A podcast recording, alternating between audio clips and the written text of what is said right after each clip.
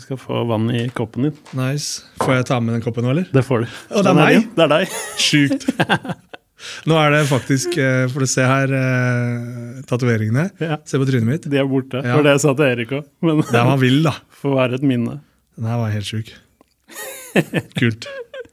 Så det er bare å fylle på du underveis som du trenger det. Ja. Eh, Kenneth, eh, superhyggelig å ha deg her. Og mm, vi kjenner jo ikke hverandre så godt. Vi har møtt hverandre et par ganger. Mm. Eh, og mitt inntrykk av deg er eh, Eller jeg syns det er fascinerende med deg fordi du er så kontrastfylt. Du ser jo ut som verdens skumleste mann, men så er du bare god. da. De gangene jeg har møtt deg, så har du alltid vært liksom innsja og hilse. Du har alltid sagt hei først fordi jeg er superdistré osv. Men du er alltid på, da, og jeg har også et inntrykk av at du sier ja til veldig mye. Alltid ja til ting som på en måte kan hjelpe eller oppmuntre andre. Jeg har tatt kontakt med deg i forbindelse med noen partnere jeg har i forhold til ringer osv. Eh, og du har liksom alltid vært ja på den. Ja, jeg er med. Ja. Så jeg er sykt uh, nysgjerrig på deg og hvor, eh, hvor alt det her kommer fra, hvem du er, og bli enda bedre kjent med deg. Eh, og jeg vet jo at det første spørsmålet jeg kommer til å stille deg, er hvorfor er du best? At du ikke kommer Ja. til å stå for det. Uh, kanskje når du har belte. Ja. Men det er jo mange måter å være best på.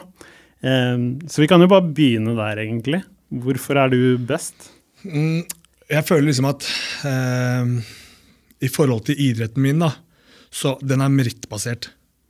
Og for å kunne si at du er best, så er du nødt til på merittlista da, liksom, være beviselig best. Du er ikke best hvis du er nummer ti, selv om du er best i gåseøyne. Hvis du får til alt på trening, du vet hva som, hva, hva som bor i deg, hva du eventuelt hva du tror på selv at du kan få til, så kan du si at du er best i den forstand. Og det er jeg villig til å gjøre. Jeg, jeg mener at jeg er verdensklasse, eh, men allikevel så er jeg også eh, såpass bevisst at jeg er nødt til å ha de matchene jeg må ha, og vinne de, for å kunne sette meg eh, i den posisjonen at jeg kan si at jeg er best. Og det er jo derfor jeg gjør eh, idretten min. Det er derfor jeg er villig til å trene to-tre ganger om dagen og, og gå gjennom det man eh, går gjennom, fordi at det er, det er liksom det jeg føler at jeg har dedikert eh, livet mitt til. da, Og har noen år til å gjøre det på. Og, og det er liksom eh, Det er der mye av motivasjonen ligger. fordi at jeg tror at jeg kan bli best.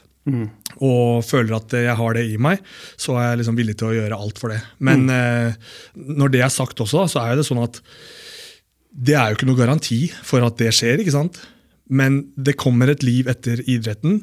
Og for meg å vite med meg selv at jeg gjorde absolutt alt jeg kunne for å nå det målet, og hvor langt jeg eventuelt når, det er selvfølgelig ekstremt viktig. Men det viktigste for meg er at jeg kan se tilbake og vite at ok, men du kunne faktisk ikke gjort mer. Hadde du gjort mer, så hadde det gått eh, andre veien igjen. Da hadde, du, da hadde kurven snudd. Så um, det er kanskje det som er viktigst for meg. da. Ikke sant? Og for å, få den, for å få det beltet eller den førsteplassen osv., så, videre, så eh, så er det jo akkurat som du sier, det med å, det med å jobbe med seg sjøl og utvikle seg sjøl hele veien. Og, og tro også at man er best, og man kan Ja, ja. ta den plassen. Og så virker det som du på en måte eh, når man på en måte, Hvis man leser artikler om deg opp igjennom, så har du jo stanga sykt mye. Ja. Det, alt, virker, det er vekt, det har vært kne, det har vært liksom Og så sendte jeg deg en mail og så sier jeg sånn Hei, skjønner at det her er dritkjipt, Ja, ja. liksom, og bare ta den tiden du trenger, så er du bare Nei, jeg er klar. Ja, ja. Neste.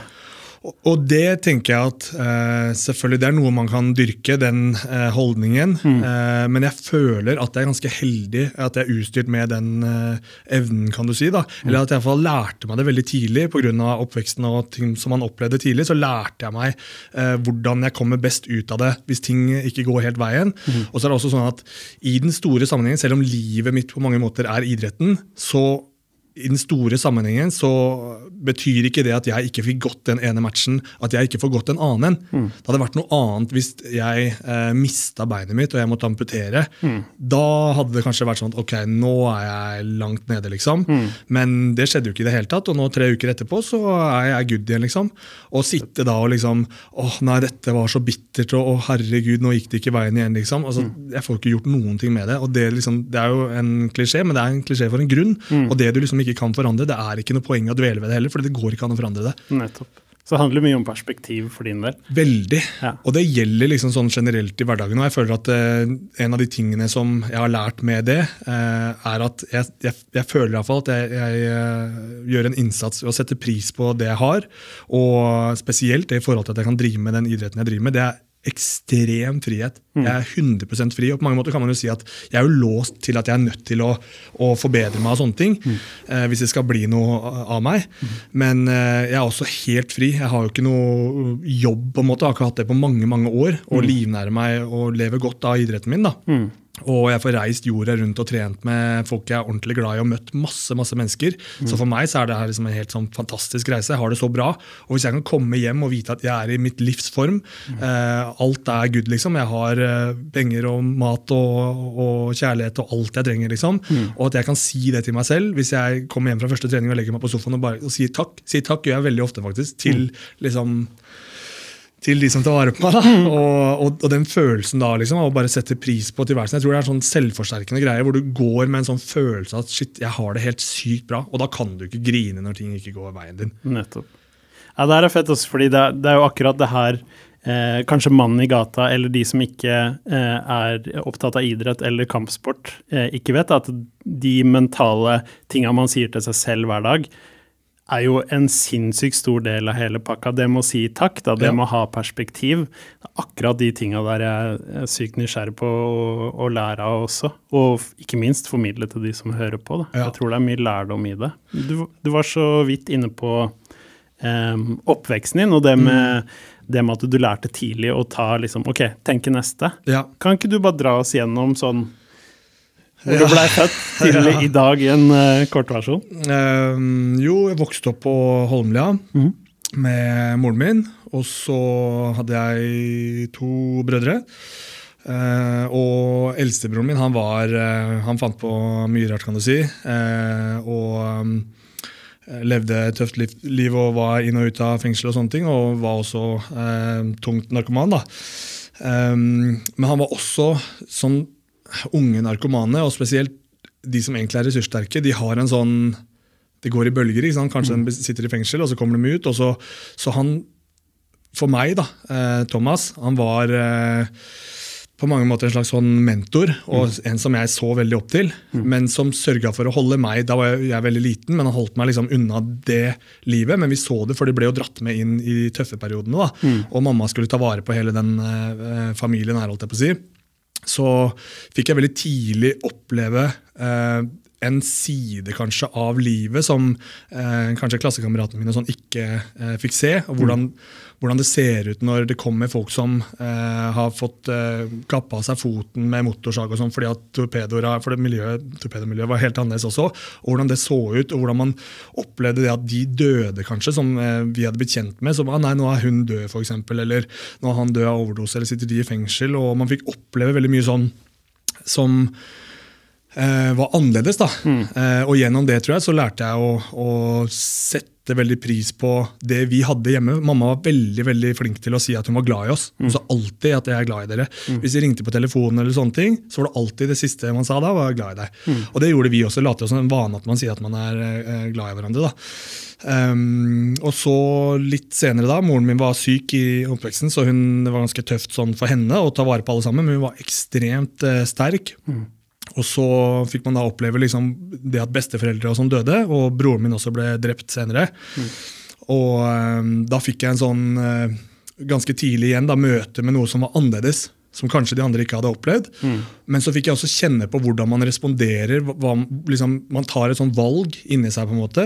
Mm.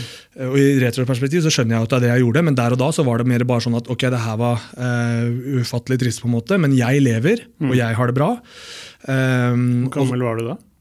Broren min eh, skal jeg, Mamma ah, Hun var syk fra vi var veldig små. Broren min ble drept da han var 26, så da var vel jeg 15 år eller noe sånt. Ja. Uh, og før det, besteforeldrene mine og sånne ting Jeg husker ikke hvor gammel jeg var. Uh, ganske ung da det begynte å, å skje, holdt jeg på å si, at de ble syke og sånne ting. Og eh, mamma døde da jeg var eh, 20 eller noe sånt. Så det var liksom sånn eh, også en nær venn av broren min. da, som, eh, Han var i en bilulykke. og Det har jeg nesten glemt inntil en veldig god venn av meg, Geir Kåre, som kanskje har fått med dere, som ble lam i en stupeulykke. Jeg hadde faktisk glemt at eh, storebroren min eh, var i en bilulykke hvor en som jeg så veldig opp til, døde sammen med han i den bilulykken, men broren min overlevde. Men han ble eh, liksom ordentlig skada, mista språk og alt sånn. Eh, Men han kom seg og- og ble 100% igjen, da, før det senere endte med at han eh, eh, ble drept.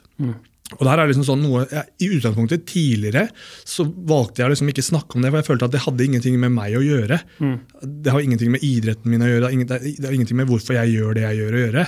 Men så har jeg senere følt at det, det kanskje er greit å snakke om det likevel, fordi at eh, det er jo liksom i det store og hele, det jeg har opplevd, er jo ingenting. Tenk på de som eh, har vært eh, flyktninger, opplevd liksom krig. og for, Det her er jo bare altså, småtteri, det er jo ingenting. Eh, litt familiedramatikk på en måte, og, og tap, da. Men jeg, jeg hadde jo masse masse kjærlighet, og, og faren min også. En helt eh, fantastisk person. Så, og har jo eldste, eller liksom mellomste broren min, som er storebroren min, da, ehm, og fått oppleve liksom kjærlighet hele livet. Selv om man, det kanskje forsvant tidligere enn man skulle ønske. Da. Så har jeg følt at det er viktig å, å, å snakke om det, fordi at det går an å komme styrka ut av sånne ting. eh, og få en, en større sånn Kanskje se ting i en litt større sammenheng da, og sette pris på ting. Eh, og tenke også at det er, ikke, det er ikke galt faktisk å tenke at det fins de som har det verre. Jeg vet at det er en litt sånn billig greie å si, men eh, jeg føler at det er uh, superlegit. Og jeg tror også akkurat det der er sånn individuelt. Mm. Hva, hva, altså alle lever i sin egen virkelighet, og det må man respektere, liksom. Men Ja. det, er også, det er ingen andre som kan fortelle deg hva ditt perspektiv bør være, og hvordan man bør se på ting heller. Nei. Funker det for deg, så funker det for deg. Ja, for ja, all del, tenk sånn, liksom. Ja. Absolutt. Em, da vi uh, oppvekst, eh, Holmlia. um, broren din uh, forsvant, uh, og videre derfra. Ja, jeg begynte å trene kampsport da jeg var 13 år ca. Og så gjorde de det eh, veldig seriøst i starten, men det var liksom med voksne menn. da, som var ganske tøft. Jeg var liten i forhold til de, måtte trene litt vekter og sånne ting. Og så senere da så begynte jeg å jobbe for et vaktselskap. Eh, og der var det bare profesjonelle fightere. Simeon Thoresen og, og Bernhard Pados og en del sånne eh, pionerer kan du si da, i miljøet, spesielt Simeon Thoresen. Og så tok de meg inn og spurte om jeg ville være med å trene. tenkte jeg, ok, kult det, bli med å trene. Jeg, jeg har sett på kampsport, liksom. Og det som Fordelen med det tror jeg, er at jeg begynte å trene med de beste. eh, Jon Olav Einemo, Jack Hermansson, Mossen Bahari eh, og Joakim Helborg Hansen. da. mm. den største legenden vi har i norsk MMA. Og på et tidspunkt som var nummer én i verden i lettvekt. Og, og da var det på en måte at jeg, jeg skjønte egentlig ikke helt hva sporten gikk ut på. Så det var så tøft og så hardt. Men jeg hadde ikke noen referanse, så må meg var være bare sånn, ok, men da er det sånn det er. da. Så ville jeg bare, ok, men det her må jeg lære. Så kom jeg bare på trening hver dag og ble kvesta liksom, i, en evighet. Men uh, jeg tenkte, og når jeg skulle konkurrere, så tenkte jeg liksom at ja, ja, men det kan jo ikke bli verre enn på trening. Det går ikke. Og det blei det ikke heller. Nei. Så da, og, ja, og så gikk det bra, liksom. Og senere da så var det naturlig at siden jeg vant uh, alle amatørmatchene mine, så var det naturlig at da skulle jeg gå proff. Og så ble det liksom bare uh, at man begynte å konkurrere som proff. da. Ja. Men jeg tenkte for det, Miljøet var veldig annerledes på den tiden. Nå kan jeg si til eh, de yngre gutta som går amatør og sånn, veldig bra, du er flink, du får til det her og sånne ting. Eh, men jeg tror ikke noen sa at jeg var god før eh, Sånn jeg husker det iallfall. Jack sa til meg en gang eh, da jeg skulle gå jeg tror det var min tredje, eller jeg hadde gått tre proffmatcher. Så skulle jeg være med på The Ultimate Fighter, og da liksom snakka vi sånn, jeg lurer på hvordan det skulle gå og sånn, og da sa han liksom sånn Ja, men jeg tror at du blir verdensmester, sa han. Hæ? Det var ingen som har sagt at jeg var god engang! Faen, er det, er det sånn, liksom? Det var ganske sprøtt, Ja. men uh, kulturen har endra seg veldig mye. Men um, da i fall så ble det sånn at man kanskje skjønte at uh, det gikk an å, å leve da, av mm. idretten, men da var man så dypt inne at det var ikke noe vei tilbake uansett. Mm. Og det, det er egentlig samme òg, sikkert, for du hadde bare gunna uansett. Ja, ja. ja, ja. Men uh, jeg må si at man har jo en Jeg har jo mål om hva jeg vil oppnå, og hva, altså, i forhold til nivået mitt og hva jeg tror jeg kan utrette. Hvis jeg ikke hadde eh, vært i nærheten, eller jeg ikke presterte når jeg konkurrerte, eller det var sånn at ok, men på trening også, bare, du er ikke god nok, da hadde jeg gitt meg for lenge siden. Ja, ikke sant? Eh, hvor du har holdt på så lenge, liksom, ti år, da, og, og du sitter der og liksom ok, du, det her er ikke for deg, liksom. Skal du fortsette da å gå masse matcher og tape? og liksom, Jeg ser ikke poenget med det, for idretten er eh, Vi ødelegger jo kroppene våre og hodene våre og alt sånn. Det må man bare innse at man gjør. og Det er en pris man betaler, men for meg er den prisen verdt å betale hvis jeg kan nå de målene jeg har satt meg innen den tidsramma. Men det er ikke verdt det hvis jeg bare er en sånn Ja, ja, han, han var helt grei, liksom. Ja, ikke sant. Jeg ser den, altså. Tror du eh, de kontrastene der, da, med den trenings, det treningsregimet og den veien du gikk på den tiden, kontra sånn det er nå, eh, hva tror du er best? Eller er det en balanse. Jeg tror at den måten som det gjøres på nå, er best for flest. Mm. Men det er jo en sånn kjent greie at du putter alle inn i kverna, liksom. Og så maler du på, og så håper du at du får eh, noe bra eh, ut av det. Men det er så mange som går inn, og det er så lite som kommer ut. Og eh, hvis at du har en litt sånn eh, snillere approach, da, hvor du prøver å liksom dyrke eh, og la folk sakte, men sikkert jobbe seg oppover, så tror jeg nok det er sunnere eh, i lengden. Og det er er flere du finner ut at ok, vi trodde ikke at det skulle gå med deg, men du har fått såpass mye tid, du har fått eh, muligheten til å få pleia eh, egoet ditt litt, og så har det løst seg. Så jeg tror at for folk flest eh, så er nok den approachen eh, best. Men eh, så er det også sånn at kanskje ikke den passer for enkelte da. Kanskje ikke jeg hadde blitt den jeg er i dag hvis ikke jeg hadde gått gjennom det. da.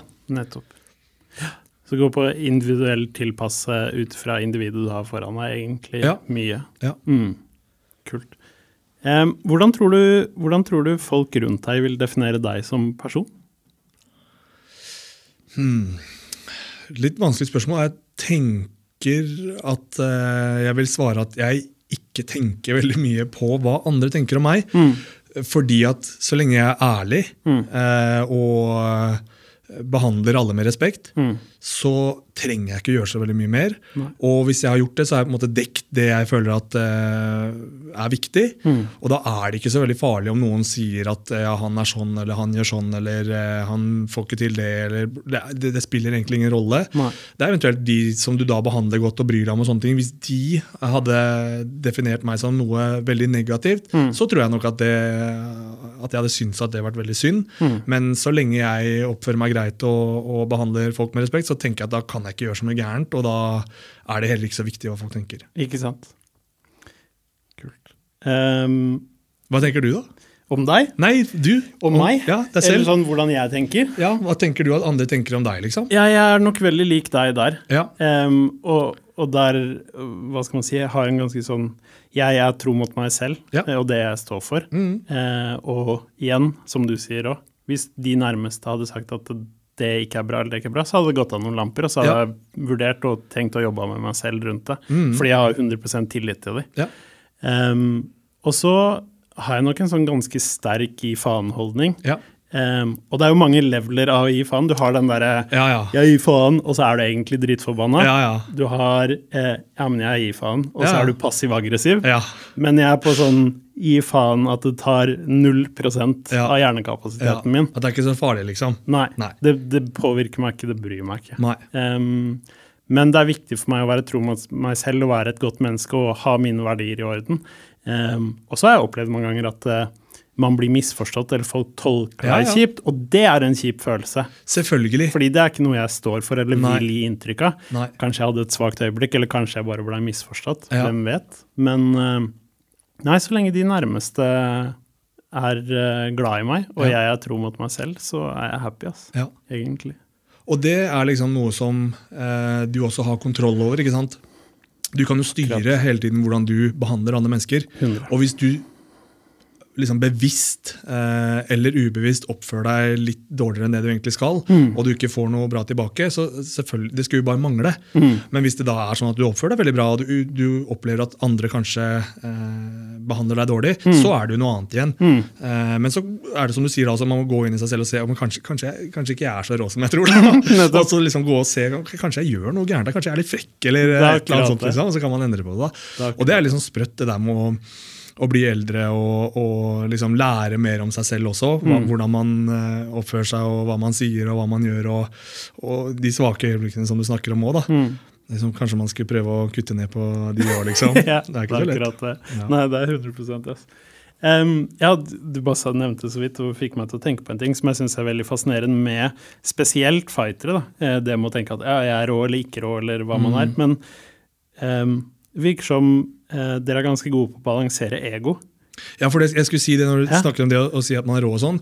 Det, jeg tror det er mange misoppfatninger når det kommer til fighting. Det er mange Mm. som tror at du er nødt til å liksom hele tiden, og at du liksom du, du bare må tro at du er best, og du kommer til å knuse motstanderen. og du Mm. Det her blir en overkjøring, liksom. Og så er det sånn, Men hvis du gjør det, Mm. og du har innstilt deg på at du bare skal frese over Det som er realiteten hvis du møter gode folk, er at det kommer ikke til å skje. Mm. Det kan godt hende at du vinner, og hvis du er skikkelig god, så, så gjør du det mest sannsynlig, Mm. men det er ikke sikkert at det blir lett. Og hvis du er innstilt på at du bare skal frese, og det blir litt tøffere enn lett, så oppleves det veldig veldig vanskelig. Oi, oi, han, han, liksom, han gir seg ikke. Og, men hvis du er innstilt i forkant at faen, han er tøff, og det, blir, det her blir en krig, liksom. Jeg er bedre, men det kommer til å bli et helvete. da. Nettopp. Da kan du liksom forberede deg på det i forkant. Og når du konkurrerer da, så er det mulig for deg å liksom Ok, vi har vært her. Han treffer meg masse, jeg er sliten, men ok, vi har vært her i hodet mange ganger. liksom. Det, det her er vi forberedt på. Men står du der og tror at du bare skal klaske ned de første, liksom, og Ja. det, det blir ingenting, Nei. så, og som sagt, og det ikke skjer da, så, så kan panikken snike. Jeg tror at det er mange som lar seg liksom lokke da, og la oss tro at man i alle intervjuer sånn, så må du si sånn, jeg kommer til å spise han opp, jeg kommer til å denge han sånn. Du, du hører veldig mange av de, de som er på aller høyeste nivå også, er veldig sånn, spesielt kanskje GSP er det største og beste eksempelet på akkurat det der, som liksom er sånn, til og med mellom rundene liksom, så sitter han og bare er sånn, vant jeg den, eller hva, konstant tvil liksom. Men for han også så gjorde det at det å konkurrere for han var Altså Det var en sånn ørkenvandring hver eneste gang. da, Beintøft, liksom. For det er så mye tvil, og det er så mye sånn Du har én trening bare 'Å, nå føler jeg meg helt Å, det blir så bra!' Ja. Og så dagen etter så er det en dårlig trening. Så bare, 'Å nei, men jeg kommer til å bli dominert, og han er, han er mye sterkere', eller 'han er tøff', eller hva faen. Og så bare dagen etter 'Ok, men det går bra, nå er vi oppe'. Og sånn går det hele tiden. da. Nettopp. Og så takle de der bølgedalene liksom, og prøve å seile. Og så sitter det sånn Ja, men burde jeg seile for mye, da? Jeg burde, er ikke litt for rolig nå? Og så må du prøve Den der balansen der, da. Det er tøft. Ja, det tror jeg er beintøft. Jeg hørte faktisk en podman i går, og var veldig morsomt at du sa det. Ja. Han, eh, han sa jo det også, at eh, fightene var det verste han visste. Han Ja, ja. elska aldri én fight. Nei. Han har tatt én kamp, og den kampen så var han komfortabel. Da sov Ja, som en baby gjennom natten. Mot uh, Matt Serra. Og så ble han knocka, liksom. nettopp. Ja. Er veldig fascinerende. Rampage også, hvis du har Mm. fulgt med på sporten. liksom, Rampage Jackson, Han også sa det at uh, han hadde en match hvor han ikke var nervøs, Mm. og da ble han knocka. Nettopp. Og jeg husker også jeg hadde en match hvor jeg ikke var nervøs i det hele tatt. Ja. Og da sa jeg til hjørnet mitt at sånn, jeg, eh, jeg er stressa for at jeg ikke er nervøs. Jeg Ja. kjenner ingenting. Ja. Og så sa Mossen at det kommer til å komme eh, i morgen på matchdagen. Og så bare ok, greit. Og så kom matchdagen, og så kjente jeg ingenting. Jeg tenkte, ok, dette kommer, Så satt jeg i samme rom og ta pisseprøver, og sånn, så motstanderen min sånn, kjente ingenting. for tenkte sånn, ok, det er rart. Ja. det er rart. Og så varma på sånne ting. kjente Jeg heller ikke, jeg prøvde å gire meg selv opp. liksom. Mm. Men da opplevde jeg hvordan det er å konkurrere sånn helt flat. Mm. Uh, og i forkant av det, det har vært en god stund siden jeg konkurrerte, så jeg jobba med mentaltrener og, og sånne ting, og tenkte at liksom jeg skulle finne den der uh, perfekte liksom, balansen. da. Men det som skjedde var at jeg i utgangspunktet har relativt uh, kontroll på nervene mine, og ganske lite nerver, så jeg bare skar de helt av. Så jeg hadde ingenting. Ja.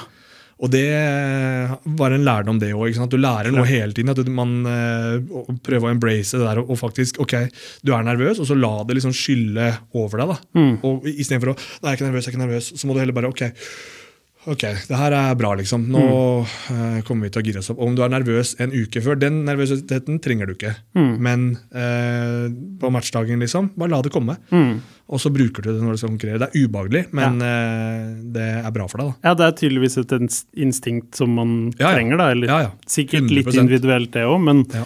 det høres jo sånn ut som det er litt gjennomgående. Men så har du de som har for mye nerver Mm. og ikke klarer å styre det. Og så ikke nødvendigvis fryser de, for det, det, det skjer nesten aldri. Det er ganske sprøtt å se, men du kan se så utrolig mange matcher, og det er veldig veldig sjelden at noen bare stopper opp og ikke gjør noen ting. De gjør alltid noen ting, men de gjør ikke det de kanskje gjør på trening. da. Og, og, og fryser i den forstand at de blir liksom sånn eh, De gjør ikke det som eh, ligger naturlig for dem. Ja. Og da er jo det et problem, for du er så sliten. Du er så sinnssykt sliten, Og så går du første runde, og så er det sånn ja, men jeg klarer å løpe intervaller og, og, og kjøre beinhardt. Er jo dritbra for, men så Ja. er du helt Ja. For adrenalin, liksom, det kan gjøre deg til uh, geléklump. da. Ja. Ja, og sikkert det med å være liksom nervøs i lengre perioder, som en uke eller noe. ja, altså, Kanskje en måned. Ja, da Kanskje er du jo mentalt utslitt før du går inn. helt ødelagt. Ja. Men det er sant, det der. altså. Det- Mm. Prøv også å tenke litt hvordan man kan ta det der ut i, i hverdagen òg. Ja. Men kjenner du på, uh, i hverdagen din, kjenner du, når er det du kjenner at du blir nervøs? mm, Uh, før jeg må levere. Ok, Men heldigvis så har jeg drevet med idrett i mange år selv, okay. så jeg vant Hvilken da? til jeg, fotball. ok, kult. Nok, Ja, ja, nok en fotballspiller. Ja. Men uh, der også var det Der òg var jeg sånn Jeg, jeg draina meg helt før match. okay. Fordi jeg hadde spilt kampen på repeat i hodet Mm, i en uke i forveien der òg. ja. Men så bare fikk man justert det inn til at ok, på kampdag, da kjente jeg på det. Ja. Da kjente jeg det kribla. Ja. Og da begynte jeg å visualisere og positive opplevelser og hele den pakka der. Eh, så leverte jeg på matchdag. Ja. Og jeg også var en sånn Jeg var et treningsprodukt når jeg var yngre. Jeg var alltid god på trening. Matchdag ingenting. Nei. Men eh, å ta med seg det da inn i hverdagen nå, så skal man inn i et viktig møte sånn, Ja. ja, vær forberedt. Gjør treninga di i gåstein, ja, ja. i forkant, men ikke kjenn på hva om det skjer, og hva om Nei. det skjer før Nei. dagen. Da. Ja. Og da skal du bare inn og naile det.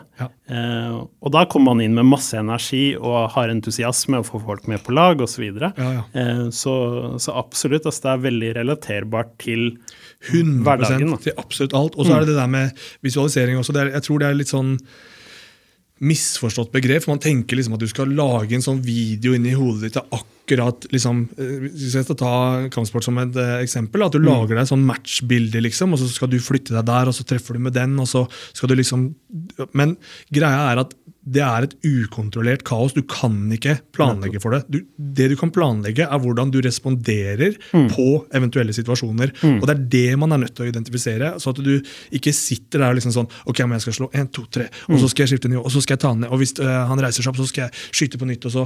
Men hva hvis matchbildet ikke blir sånn? Du går inn der, så får du en smell rett på nesa di, og kjenner du at å, han knakk nesa mi. Og så har du ikke drilla eller visualisert hvordan du responderer hvis du får en smell, og hvordan du skal resette og jobbe med det som er planen din. Du skal eventuelt, mm. Om det er press eller flytte hodet ditt. For det kan du alltid gå tilbake til. Men du kan ikke gå tilbake til ja, men Jeg hadde jo sett for meg high kick og høyre kryss. Jeg, fikk, jeg fikk meg en smell. Hvor, hvor, er jeg nå? Skal jeg prøve å lete etter den igjen? da? Det går ikke. Men du kan resette, og så kan du eh, Og den type visualisering, det er det som er viktig.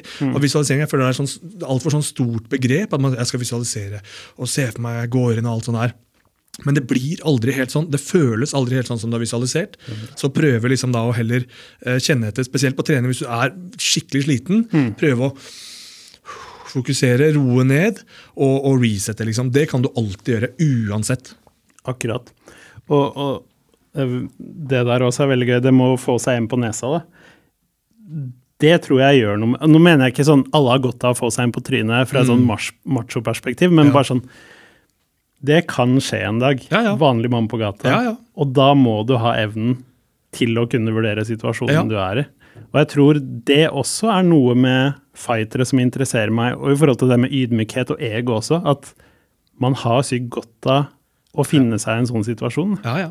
Absolutt. 100. Helst ikke i, på gata altså, hvor det er veldig farlig, liksom, men på trening. Eh, hvor du kjenner at uh, du ikke er sterkest eller raskest, eller du ikke er best på et eller annet, eller at du får testa liksom, hvordan det føles. Yes. Hvis du klarer å overvinne det litt sånn gradvis at ok, men Jeg syns det var veldig veldig slitsomt først, og så var det ikke så slitsomt. Det var veldig veldig vondt, og så var det ikke så vondt lenger. Og så er det, var det ikke så skummelt at han var så stor, eller eh, at han var så sterk, eller at det liksom, du klarer å Du får en sånn sample size holdt jeg på å si, hvordan ting fungerer, og så kan du liksom velge den veien da, hvor, hvordan du skal respondere på hvordan det føles, fremfor liksom sånn ah, det var veldig vondt, stikker jeg, stikker jeg, stikker jeg. Men det er litt med også den der modellen av hvordan du skal trene. da, Hvis du kommer inn i et rom hvor alle er så mye bedre enn deg, så mye farligere enn deg, og så seriøse at alle tabbene dine gjør at du altså Det er nesten nok at hver gang du gjør en feil, da, eller du havner i en submission hver eneste ting du gjør. Da blir læringskurven veldig vrien å på en måte få til å gå oppover. For at du får aldri muligheten til å liksom gjøre de små uh,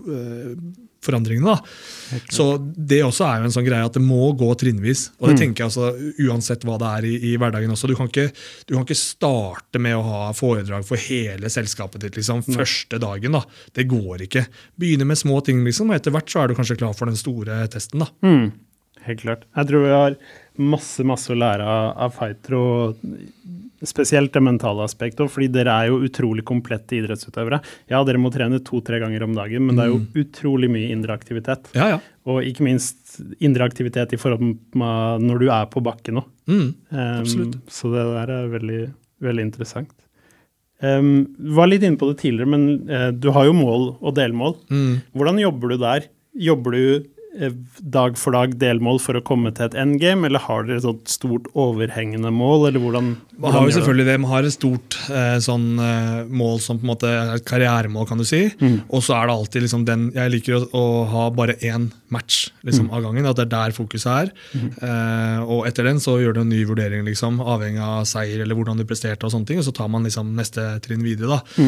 Eh, og i forhold til treninga mi, sånn, så, så skriver jeg treningsdagbok selvfølgelig hver dag over alle årene jeg har trent. Og så eh, Hva som funker, hva som ikke funker. Eh, og det har gjort at det er veldig lett for meg å si, Hvis jeg for føler at eh, jeg har enda litt eh, det siste med i forhold til hvile og hard og lett dag, og sånne ting, og tatt en bevisst avgjørelse da, i forhold til at i utgangspunktet så er kampsport veldig mye sånn Hvis du tenker på soner, da, pulssoner, så er det veldig mye eh, terskel og over terskel. Ja. Jeg vil si at det er veldig mye over terskel, og, og da kanskje helt ok på terskel, og nesten ingenting under terskel. For det er tungt, ikke sant? Og problemet med det er at hvis du ligger veldig veldig høyt hele tiden, så evner du ikke å hente deg inn, og så blir faktisk formen din dårligere over tid fordi at du overtrener. Eh, men det som er mulig for meg da, er at jeg trener faktisk mer nå enn jeg gjorde før, men jeg trener smartere. Og hvis jeg tviler litt på det, så kan jeg gå tilbake og se på opplegget sånn, ok, men vi trente egentlig for meg som jeg trodde at jeg kanskje trente veldig mye da, så kan jeg gå og se sånn, ok, jeg gjorde faktisk ikke det. Jeg trente, fordi at du har en sånn uke kanskje, og det, og det var jo sånn tidligere at du hadde en sinnssykt bra uke med kanskje 15 økter, og så kommer uka etter, og så klarer du kanskje du, du karrer deg gjennom tid, liksom. Så er det sånn, men hvis det på sikt da, skal gi mening, så er jeg jo nødt til å gjøre forandringer. Jeg kan ikke ha bra, dårlig, bra, dårlig. Jeg er jo nødt til å ha bra og bra og bra og bra. Hvordan skal jeg få til det? Jo, da må jeg strukturere treninga mi. Og det tar lang tid å selvfølgelig bli god nok, eller få en kropp som tåler så mye trening. Du er nødt til å trene mye for å kunne trene mye. Eh, men da må du også se på hva som funker og ikke funker, så kan du justere underveis. Og den reisen tar lang tid. Ja. Det gjelder jo absolutt alt. Klart. Og i hvert fall tenker også på den generasjonen med liksom deg og Jack og Emil. Og, og dere hadde jo én gjeng foran dere, kanskje, Ja. som gikk litt foran. Da var det veldig annerledes. Ikke sant? Ja. Og det er sånn, man må jo finne ut av sikkert veldig mye sjøl. Ja, ja. 100 det er, det er helt opp til deg selv, egentlig. egentlig. Og jeg har vært veldig heldig, da, og faktisk gjennom Emil, for Emil har vært en sånn eh, pioner på veldig mange måter. Og de som eh, begynte å fikse sponsorer, og han var i media tidlig og sånne ting. Um, og også tok kontakt med Olympiatoppen og, liksom, og Magnat Senter, som jeg også har vært i mange mange år. da, Hvor du har ekspertise på Jeg kan for sitte på sykkelen og så skal jeg gjøre en økt, og så kanskje blir jeg litt sånn derre ah, Er jeg 2% over den sonen jeg skal være i nå, liksom? Og så ringer jeg en som er kardiotrener der, liksom, så spør jeg sånn Du, øh, hvis jeg skal ha det og det utbyttet, hvor burde jeg ligge? Han sier der skal du ligge. Ok, greit. Så setter jeg meg på den prosenten, liksom. Og det er uvurderlig, for da da er det plutselig toppidrett, og ikke lenger bare sånn ja, du kommer og griser på treninga, liksom, da, og så blir du god. For det funker en, en god stund, men hvis du virkelig skal få det til, da, så er du nødt til å ta tak i alle tingene. Kosthold, søvn, alt mulig. Og så er det også viktig å ikke gå helt tapt i den verdenen der hvor du tracker og følge med på alt. For det også er eh, Jeg føler at, det, at fokuset ditt er litt på feil ting. Selv om det er riktig for deg, så er det feil å ha fokus på tall og liksom sånn, at det skal være sånn og det skal være sånn. For hva skjer den dagen det ikke er sånn? Hva om jeg skal konkurrere, og så føler jeg liksom at nei, men jeg hadde ikke den og den økta, så eh, tviler jeg litt på at jeg gjorde alt riktig. Men hvis jeg heller har fått en sånn følelse at jeg vet hvordan jeg skal trene, så kan jeg legge bort, jeg legger bort alt sånn tracking og, og pulssoner og sånn eh, flere uker i forveien av match. fordi at da er det ikke det som teller lenger. Da er det hvordan jeg føler meg. For jeg har lagt ned arbeidet som gjør at jeg er i form, og så kan jeg heller bare følge eh, intuisjonen og, Ja. og hva jeg vet er riktig. da. Nettopp. Ja, den kommunikasjonen der med kroppen, å kunne justere seg inn basert på følelser, blir jo ekstremt viktig når Ja, man ja, ja. skal spisse det inn. liksom. Ja, for den- Også når du konkurrerer, da, så det, det, alt annet spiller jo ingen rolle. Det er jo bare liksom, Da er det inni meg og hvordan jeg føler meg. Da er det det, som, liksom det indre som teller. da. Ikke sant? Mm. Fett.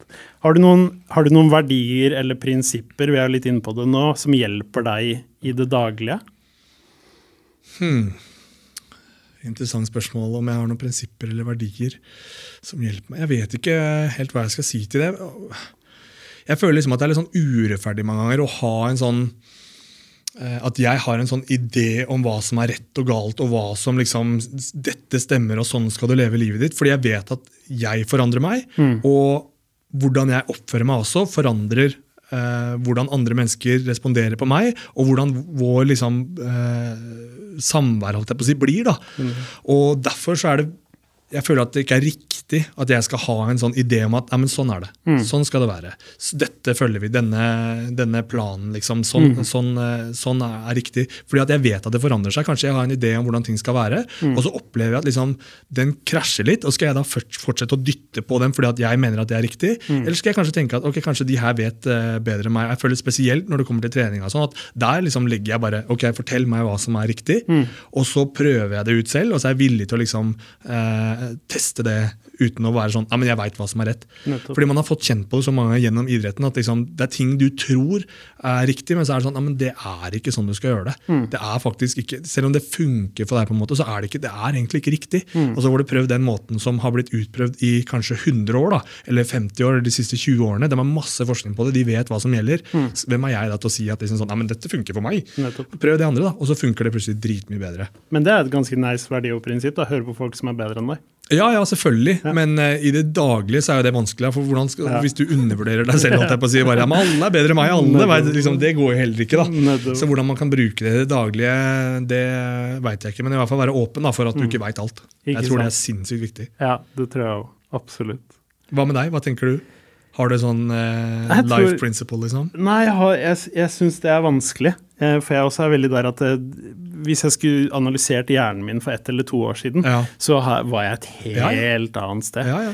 Men jeg tror at hvis man på en måte ok, bunner alltid å gjøre alt eh, jeg kan med kjærlighet, eh, og så bare bygge opp på det, så kommer man selvfølgelig veldig langt. Ja, ja. Eh, og så er det viktig for meg å Og det er, det er sikkert noe eh, du kanskje ikke tenker så mye over, men for oss som har en vanlig jobb, på en Mm. måte, så er det sånn ok, gjør ting som faktisk engasjerer deg Ja. og bryr deg, ikke sant? Ja. For den har jo du i ryggraden din. Ja, ja. Du kunne ikke tatt en 9-5-jobb nå, liksom. Nei. Det hadde jo knekt det mentaliteten Ja, ja. din. Det har jeg sagt mange ganger også. Jeg har Ja. sinnssykt respekt for folk som faren min, f.eks.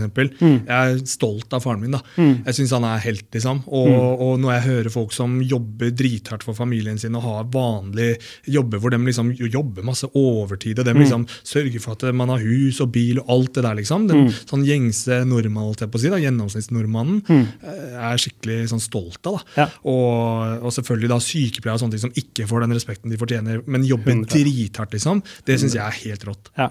Så det, det, er sånn, det, er, det er et prinsipp for meg at det, eh, jeg skal kun jobbe med prosjekter som engasjerer meg og gjør verden litt kulere å være Ja. i. da.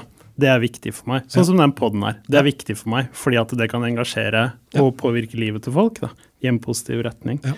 Så gjøre alt med kjærlighet, eh, jobbe med ting som engasjerer meg. Mm. Eh, absolutt en viktig greie. Og, og gjøre ting som jeg mener er riktig. Da. Ja, ja. Mm. Men jeg føler eh, at det er vanskelig noen ganger da å vite hva som engasjerer deg. For du har en sånn knippe liksom, da, av sånne ting som du vet at engasjerer deg. Mm. Og så vet du ikke alltid hva liksom, For det fins masse andre ting der som du ikke vet om garantert. 100. Som kanskje hadde vært sånn Ok, faen, det her mm. ante jeg ikke at jeg kom til å digge. da. Nettopp. Men da er man også nødt til å gjøre en sånn bevisst innsats i å lete etter de tingene. Og så vet man ikke hva det er, men så er man sånn men jeg har bare så mye tid. Mm. Hvordan skal det gå, liksom? Sånn Ja. der utviklinga, da. Den eh, er kanskje litt vrien, i hvert fall for folk som lever da vanlig, som du sier, sånn 94 At det er vanskelig å finne den derre Mm. Ok, men kanskje det fins noe der ute for meg, da. Og, og, og som du sier, det, det er veldig lett for meg, Mm. fordi at jeg har så sinnssykt mye frihet. Og jeg dedikerer tiden min til idretten, men idretten er ikke meg. Mm. Og jeg har jo masse tid, jeg har jo mange mange timer hvor jeg kan gjøre alt mulig annet. Mm. Eh, selvfølgelig er jeg nødt til å passe litt på så ikke jeg blir sliten, liksom. Klart, klart. Men jeg, jeg kan jo, hvis jeg vil, liksom dra på museumer og på midt på dagen, liksom. Og jeg kan finne på liksom sånn hva jeg vil, da. Mm. Mens for de som har eh, spesielt familie i tillegg til hverdagen sin, så er det kanskje vanskeligere å finne de tingene. Mm. Hva gjør man da? Ja, det er akkurat det. Og, og når jeg sier også, det er viktig for meg å poengtere at når jeg sier det er lett for deg, så skjønner jeg også det du har ofra. Jo, jo, Fordi du har gått en usikker vei og hele den pakka der. Så liksom, all respekt der, men man eh, går for passionen sin, da. Og Ja. da er det sikkert lettere å stå opp, sikkert lettere å være Ja, ja. motivert og hele den ja. pakka der. Men eh, i forhold, til, ja, i forhold til det som engasjerer. oss, så tror jeg handler, i hvert fall for min del, handler om mye feiling. At jeg har testa Ja, ja. utrolig mye. Eh, og så har det endt, fått meg på mange veier som jeg syns er interessante. Mm. Eh, og når jeg er på de veiene som er interessante, så er jeg jo happy. For da Ja, ja. har jeg mål og mening. Og så kan den forandre seg om tre år. Men da er det så viktig å avslutte det og bare hoppe Ja, ja. på det nye. Og Da. da vet du også, hvis du har vært innom det, så vet du på en måte det funka ikke for meg. og da, da, da, liksom, da, da er du klar over det. Det er Og det er sinnssykt viktig. Ja, Å tørre å ta de sjansene. da. helt klart. Og så er det en sånn greie om at Og det her kan sikkert du relatere til, òg, at det, det handler jo det handler jo ikke om endgame, det handler jo om å være på reisen. Ja, ja. eh, Og nyte den reisen. Men det er Eh, vanskelig. I idrett er det veldig vanskelig. Det jeg føler klart. at det er noe jeg har vært klar på hele tiden. Og som jeg sier, at jeg, sier takk og er sinnssykt takknemlig og sånne ting. Men det er vrient, for du har et mål, og du bruker all tiden din på å nå det målet. Og da er det vanskelig. Det er som folk som eh, studerer også, liksom. Studietiden kan jo egentlig være helt rå, men hvis du er for opptatt av de resultatene og den liksom eksamenen, eller når du er ferdig, eller eh, hva det skal være, da, så, så tror jeg det kan bli tøft og liksom, eller vanskelig i hvert fall, å sette pris på det du har. Og så glemmer man det at det er ekstremt sånn selvforsterkende. Det å, å, å sette pris på noe gjør at det er så mye motivasjon, fordi at du klarer liksom å hente motivasjon, fordi du gleder deg, dette er gøy, og nå koser vi oss, og nå har vi det bra, fremfor sånn, ok, men når jeg får den tingen, så skal det bli bra. Da blir det bra. Det suger litt nå, men det blir bra da. Og så gjør det jo ikke det, ikke sant? Og da Nei. får man en sånn der, oh, super, ja, kjempe, man blir superdeprimert. 100. Ja, det der er rart, og den følelsen der er vond nå. Ja, Men jeg, jeg håper og tror at det er en del av prosessen, på en måte. Ja. Eh, Det, det håper jeg absolutt. Eh, Nei, kult. Eh, du, du var litt inne på det i stad med, med broren din og mammaen din. og har jo, Du har jo hatt en oppvekst der det har skjedd veldig mye. Hva, har du et sånn klart turning point i livet ditt der du var sånn Ok, nå skal jeg kjøre på det her?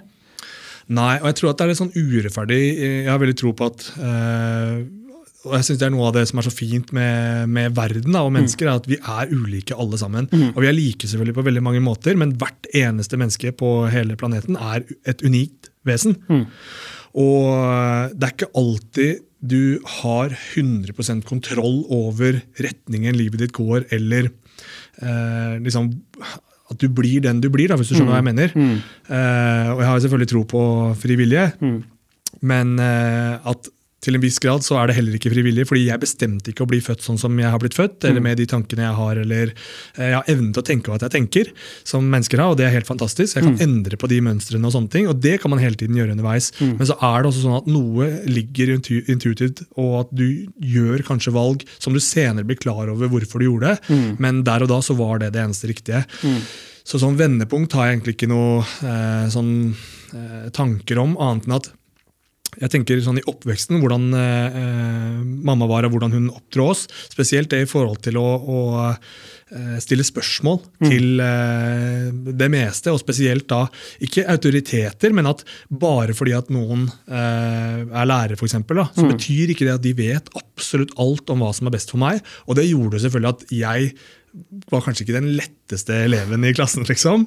Men jeg følte at jeg var ganske rimelig da, i forhold til hva jeg stilte spørsmål til. Og hvis jeg, jeg tok den eh, og veide liksom sånn Ok, men det, jeg stilte deg det spørsmålet om den og den, syns du at det er greit? liksom? Nei, det gjør du ikke, men det syns jeg er veldig greit. Så jeg kommer til å fortsette å gjøre det. Jeg likte ikke det svaret du ga meg, liksom, så jeg holder meg til den linja. Nice. Og og det er jo selvfølgelig, som jeg sier, at det, det, det gjør at du blir ikke den som kanskje blir best likt av lærerne alltid. da.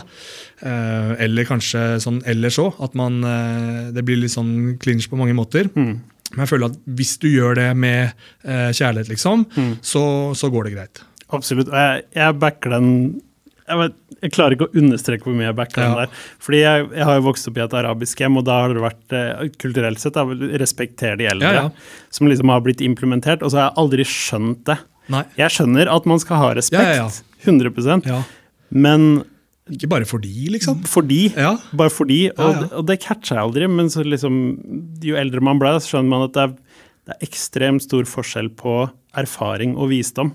Ja. Det er to helt forskjellige Ja, ja, greier. Så jeg står for det, altså 100 Ikke respekter noen bare for å respektere Nei, nei. noen. Respekter visdom, Ja, ja. respekter videreformidling av kunnskap, gode verdier, erfaringer Ja, ja. osv. Men å respektere noen bare fordi de er eldre, Nei.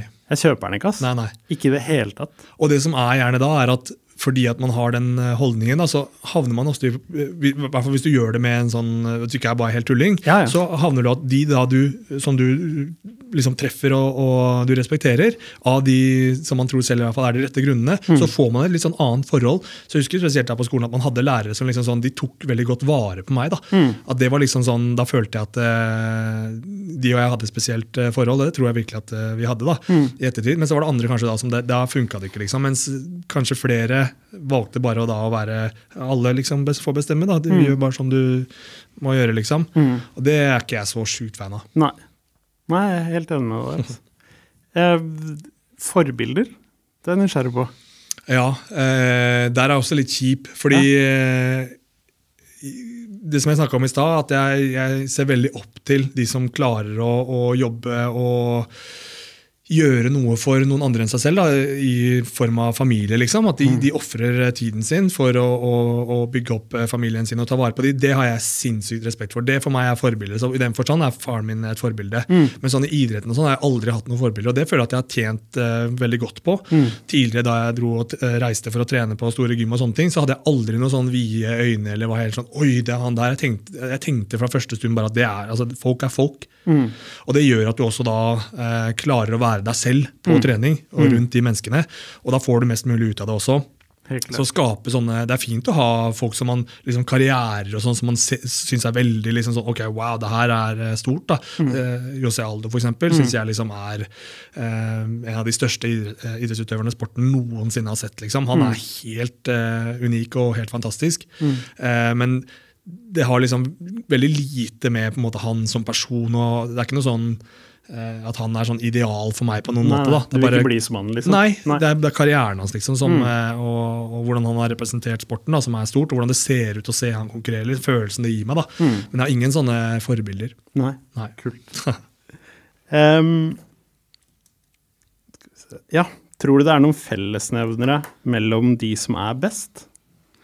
Ja, ja. Jeg tror, eh, jeg tror at det går an å være eh, best på så mange måter, som vi var inne på med GSP og, og forskjellige karakterer i sporten da, eh, som har hatt suksess. Um, og se på Fede, for eksempel, som var så ekstremt bra. Han har jo vært relativt kald liksom, i uh, følelsesspekteret. Mm. Eh, og det er også noe man skjønner at han har ikke hatt masse indre demoner inni seg, vil jeg tro iallfall. Mm. Hvordan han har klart å, å, å prestere. da. Eh, og hvordan han har vært i intervjuer og sånne ting. Men ehm, jeg tror at fellesnevneren er hardt arbeid over tid, og at du evner å se hva du gjør, så du kan endre på ting. Så som jeg sier at man eh, kan tenke på at man tenker, det der er ekstremt viktig. Uh, og så er det også det urettferdige, som ikke snakkes så veldig mye om, at det er en grunn til at det bare er én Usain Bolt. Og det er fordi at han er født annerledes enn oss. Han er et unikum. Og det er også noe av det jeg syns gjør idrett så rått. Jeg syns ikke at det hadde vært så gøy om det var mulig for deg og meg å begynne samme dag, og at vi gjorde akkurat de samme tingene, og om ti år så var vi helt like. Og Da tenker jeg ikke bare nødvendigvis eh, idrett, men i, i hva som helst annet. Jeg syns det har vært synd, for det betyr at du og jeg er blanke ark og helt like. Det er jo ikke noe gøy. Det er mye morsommere om vi hadde begynt på samme ting, og så hadde jeg funnet ut at ok, det her er liksom et eller annet i den retningen der som passer meg, og det klarer jeg å mestre, og sånne ting, og du går en helt annen vei. Og så blir vi rå på hver vår eh, side, fordi at vi har ulike eh, kapasiteter og evner ja, og, og, og fortrinn da, eh, som tar oss helt forskjellige veier. Men kanskje vi har det samme grunnprinsippet om å jobbe hardt over lang tid, og at vi klarer å se tilbake på hva vi har gjort underveis. Ikke sant? Spennende. Kult. Ehm, hva er den største feilen du har gjort, og fikk du noe ut av det? Eller har du flere små hendelser? Det er jo selvfølgelig kjempemange feil man har gjort, og sånn idrettsmessig og sånne ting. Da tenker jeg på hva som sto på spill, og det var den uh, mentaltreninga. Som jeg ikke var klar over. Det var det som fikk liksom, idrettsmessig i hvert fall, størst sånn, eh, negativ konsekvens. Men også en, samtidig så var det også en kjempelærepenge, så jeg ser ikke på det som en sånn stor feil heller. Ehm, det er vanskelig å si. Jeg synes, eh, Man gjør jo så mye som eh, skulle vært gjort annerledes, men det, også, det forutsetter at jeg da er veldig opptatt av liksom, eh, hva som gikk gærent. Mens tanken er jo heller på hva jeg kan gjøre bedre neste gang. Og da blir det ikke lenger den store feilen. da. Nettopp. Og samtidig i livet også nå, det er klart at man gjør ting som man skulle gjort bedre eller gjort annerledes, eller som liksom fikk et negativt utfall. Mm. Men det kan jeg ikke gjøre noe med, annet enn at jeg kan endre på hva jeg gjør fremover for å ikke gjøre den samme tabben igjen, og, Mm. og, og og ikke ryke på samme smellene. da. Men da igjen, da blir det ikke liksom den der store feilen. Nei, det er bare vekst i det, egentlig. til Mm. slutt.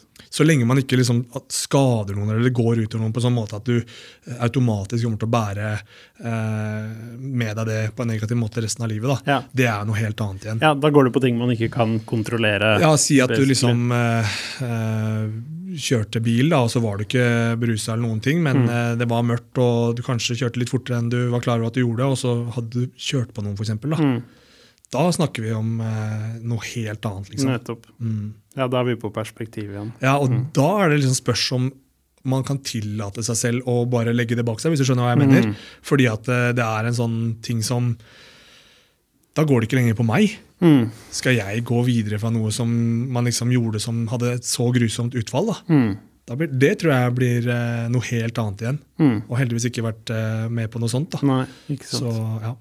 Klart. Hva, hva, du har jo ofra mye, selvfølgelig. Du ofrer, jo helsa di på en måte for den karriereveien du har gått. Hva annet har du ofra på, på veien? ja, Det er også et sånt spørsmål som eh, liksom kommer opp sånn hvor mye man ofrer. Men man må se på hva man får igjen. Mm. Og som jeg snakker om den friheten og alt sånt her, og da er det ikke lenger et offer. Nei. Det er urettferdig å si. Ja. Hvis jeg får så mye igjen, hvordan kan jeg sitte og si at jeg ofrer da? Mm. Hvis jeg er så heldig at noen gidder å se på matchene mine eller gidder å ha meg med på en podkast, liksom, Mm. og jeg har eh, god råd og har liksom øh, Jeg bor fint, jeg spiser hva jeg vil, liksom. Jeg kan Mm. dra hvor jeg vil i verden når som helst, og i tillegg liksom få reise, og jeg har så mye frihet, og jeg har så mye fritid Ja. Hvordan kan jeg sitte og si da liksom at sånn, ah, jeg ofrer så mye, og jeg, jeg, ja, den festen der og den festen, jeg fikk ikke vært med på det. Det blir så feil. Ja. som jeg mener. Ja. For det er jo ikke noe sånn, uansett, det vil jeg jo liksom ikke. Nei. Og man er jo klar over at den tingen som jeg er klar over at jeg ofrer, er eventuelt da eh, fysisk, når det kommer til eh, spesielt da hjernehelse. da. Mm. Og jeg liker å si at jeg er egentlig ikke redd for noen ting. Mm. Og jeg har heller ikke barn eller sånne ting som gjør at jeg kan være redd på andres vegne. Uh, og det betyr at den ene tingen jeg da er redd for, uh, da snakka vi faktisk om på veien hit også, er uh, Alzheimer eller eh, demens av et eller annet slag, Mm. som eventuelt da skulle kommet som konsekvens av idretten Mm. Hvor jeg da ikke lenger er meg selv. Det kunne skjedd kanskje at jeg var 50, og- ting begynte å, eller at jeg ble 50, og så begynte jeg liksom å, at jeg ikke fikk med meg verden rundt meg. Mm. Det er noe jeg eh, selvfølgelig er redd for at skal skje. Mm. Og så er det også det der samtidig at jeg ikke er redd for det. Jeg bryr meg ikke, jeg er villig til å ofre alt. Liksom. Det er veldig spesielt. Det er sånn med de forsøkene hvor de har eller ikke forsøkene, men de har tilbudt eh, i en slags sånn tankeeksperiment idrettsutøvere Hvis du kunne fått en pille som gjorde at du ble verdensmester, så, men du kom til å dø når du var 35, liksom, hadde du tatt en pille? Ja, ja, det hadde liksom halvparten gjort, eller flere. Eh, og sånn blir det jo faktisk når du har dedikert eh, livet ditt til en eh, idrett. da, At du er villig til å ofre utrolig mye.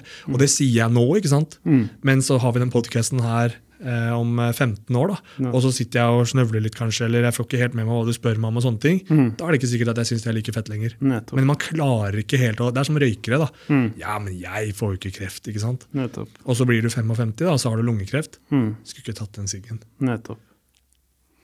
Ja, det er eh, Ja, for det er jo ikke noe man bærer med seg i hverdagen, liksom. Nei, nei. Den konsekvensen er så langt frem i tid at man Ja, ja. tenker jo ikke på det engang. Og vi er dårlige til det generelt. mennesker. Vi er dårlige til å, Selv om vi klarer å spare, og sånt til en viss grad, men vi er veldig dårlige på det. pensjonssparing, spesielt for enkeltmannsforetak. Prøv det, liksom. Når regningene kommer, da, så er det sånn ah, Vi tar litt ut her og setter inn her, liksom. Og det er sprøtt. At, eh, for det kommer en dag. Men samtidig tenker jeg også sånn at eh, jeg har ikke lyst til å bli 100 år gammel. Nei. Det har jeg ikke. Eh, og det sier jeg igjen nå. Mm. Kan hende at jeg har veldig lyst til å leve lenger eh, når den tiden kommer, liksom. Eh, men jeg tenker jo sånn at eh, det viktige er liksom at jeg kan maksimere tilværelsen min. da, Mm. Og ha et liv å se tilbake som var helt fantastisk. Og hvis det skulle vise seg å bli kort, så kan jeg akseptere det. Men hvis jeg ikke husker hva jeg har opplevd, så er det noe annet. Ikke sant. Jeg, tidligere så var jeg driftssjef i, i et par kleskjeder, og så Mm. Hadde vi et eh, der jeg ville på en måte, jeg ville gi noe mer tilbake til dem for innsatsen de la ned, så jeg kom med et forslag om at de skulle få en prosentsum av overskuddet okay. når året var ferdig. ok. Det var ikke så gøy. Nei, de, Det er altså, altfor lenge til. Det er alt for lenge til. De, de klarte alltid hver, hver- å jobbe mot, mot månedsbudsjettene. Ja, For det var liksom det at du fikk en, en liten slant liksom, hvis du tok månedsbudsjettet. Men så var det den der store kaka da jeg ville ha på enden. Men eh, det var ingen som snakka om det. Ingen, folk hadde glemt det når året var ferdig. Delayed gratification, det er liksom bare helt Glem det, liksom. Men noen bortplass. ass. evner å gjøre det, da. Ja, ja. Ja. Absolutt noen. Og det var et par som klarte det, og hadde jobba liksom systematisk mot det. Men eh, jeg tror det var to av 30 Ja, ikke sant. som huska det og Ja. tenkte på det og jobba mot det. Men resten var sånn OK, jeg vil ha 2000 kroner Ja, ja. i slutten av måneden ekstra, eller hva det var, da. Som de skatter av igjen. Så det var en tusenlapp, så vidt. Ja, ikke liksom. sant? Så var sånn Men uh, det er veldig, veldig rart, det der. Og den, den evnen der, da, den, den, uh, den er noe flere må jobbe med, og jeg tror også dere fightere er Ja, ja. gode på det.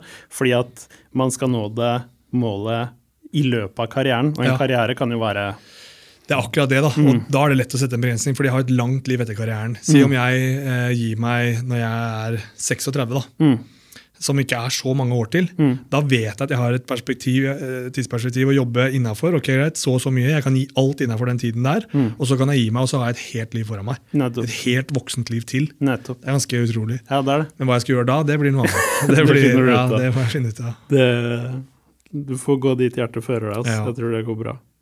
Hva, mm, hvor lenge tror du du kommer til å holde på? Sånn fysisk, hvordan kjenner du deg? Og, Jeg kommer til å holde på så lenge som eh, eh, jeg tror at jeg kan bli best i verden. Mm. eh, at jeg, det er verdensklasse på det jeg driver med. Mm. Og eh, jeg har satt meg et sånt tak eh, på 36. Mm. Um, og det avhenger veldig av hvordan ting går, selvfølgelig. Mm. Eh, man er villig til å godta setbacks og fortsette å pushe, men hvis jeg ikke lenger føler at jeg presterer på treninga, eller jeg ikke lenger tror på at jeg kan henge med verdenstoppen, så er det ikke interessant lenger. nei, alt eller ingenting, altså. Ja. Mm, fett. Åh, det her var, eh, det her var mye, mye bra. Eh, hva, hva, ligger i, hva ligger i loopen fremover for deg nå? Eh, Jeg har lyst til å, Nå har jeg jo fått litt lite trening på den siste tiden, men jobbe mot å, å være i god form til å kunne ta en match nå på relativt kort varsel. Mm. Og så har jeg en i desember i eh, Stockholm. Mm. Så hvis jeg kan få to matcher inn i løpet av det året her, så er det helt fantastisk. Mm. Mm. Det er tight, da. Det er tight, men eh, det kan gå. Ja, Mm. ja jeg har trua på. Ja. Altså.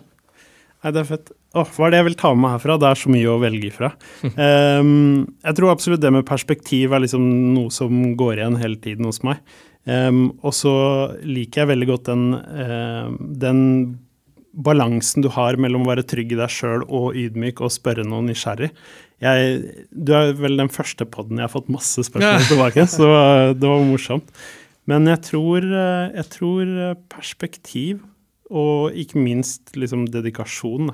Det, men det var også litt forventa, for jeg veit hvor mye du trener. Ja. Jeg veit hvor mye du ofrer eh, fysisk. Men som en sånn side note på det, da, så vil jeg legge til at det kan jeg gjøre fordi jeg har glede i det jeg gjør. mm, Og for andre da, det, hvis jeg skal gi en sånn tips, holdt jeg på å si da, Mm. uten at jeg har noe rett til å gjøre det, men hvis jeg skulle gjort det, fordi at jeg føler at det funker for meg, er å finne gleden i, i, i hverdagen din. mm, Og hvis du kan finne glede i det du gjør også, så blir det så sinnssykt mye enklere. Mm. Du får masse motivasjon fra det å være lykkelig, fra det å ha det bra.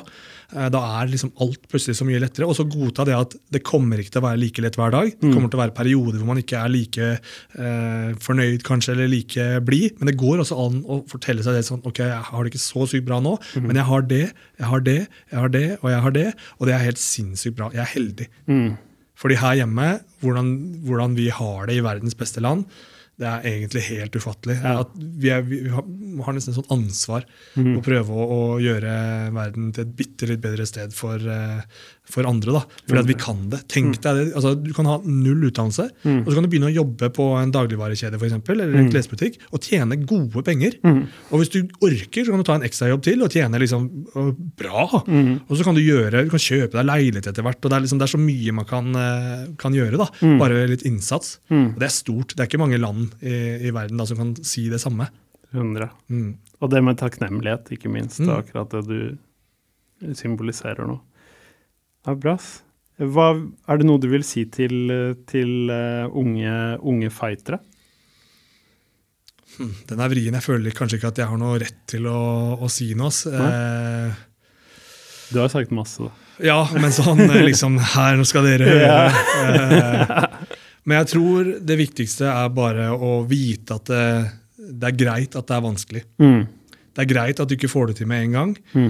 Og det er greit at det er tøft og at det er slitsomt. Det er helt naturlig. Mm. Eh, men at det kommer til å bli bedre.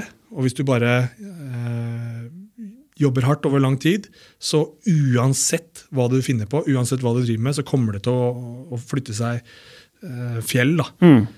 med den dedikasjonen og over tid. Ikke sant? Mm. Og, og på mange måter òg, for det trenger ikke å være i, i fighting, men Nei, nei. bare du kommer til å å helst. utvikle deg uansett. Hva som helst. Mm. Og hvis jeg skulle sagt noe til unge, liksom, så er det det å, å Det er så mange som liksom ser seg så rundt om sånn alt mulig. Jeg vil gjøre det, jeg vil feste eller bla, bla, bla. Og liksom reise og, og legge bort all, alle de tingene der. Men det går an hvis du bare legger inn eh, noen få år. liksom. Det går så fort. Tre år, f.eks. Ta Mm. deg en, en bachelor, eller om du kan gå eh, noen år til og ta en master, eller eh, utdanne deg, sånn at du har muligheten til å, å, å få alt det som Norge og, og livet har å tilby. da. Mm. Eh, og ha økonomien til å liksom faktisk kunne reise, og for livet er langt. Mm. Og, og da liksom dedikere seg selv over litt tid, satse på noe som eh, du kanskje liker og, og du tror kan eh, få til, så er det så mye som verden bare åpner seg. da. Mm. Ikke sant? Siste spørsmål, Kenneth. Hvis du, hvis du kunne snakka til en ung versjon av deg sjøl nå, hva ville du sagt? Det er vanskelig, for det forutsetter litt at jeg har gjort masse feil. Mm. Det spørsmålet der. Det forutsetter at jeg har masse gode råd, å råd å komme til eh, med, til den eh, unge versjonen av meg. Og jeg føler at alt det som jeg har opplevd, og alt det som uh, har skjedd, holdt jeg på å si, det har tatt meg til hit jeg er i dag. Og det livet jeg har, er jeg så fornøyd med at jeg ville ikke spolert det ved å liksom komme med noen sånne visdomsråd. Bare bli med på reisen og være takknemlig, da. God tur. Ja, faktisk. Konge. Tusen hjertelig Takk takk. For en herlig pod, ass. Takk skal du ha. Jeg gleder meg til å høre på den her igjen. Gjør du det? Hører du på? Ja, ja. Sjukt. Helt klart. Husk å følge oss på YouTube, og der du hører podkast, gi oss gjerne en tilbakemelding.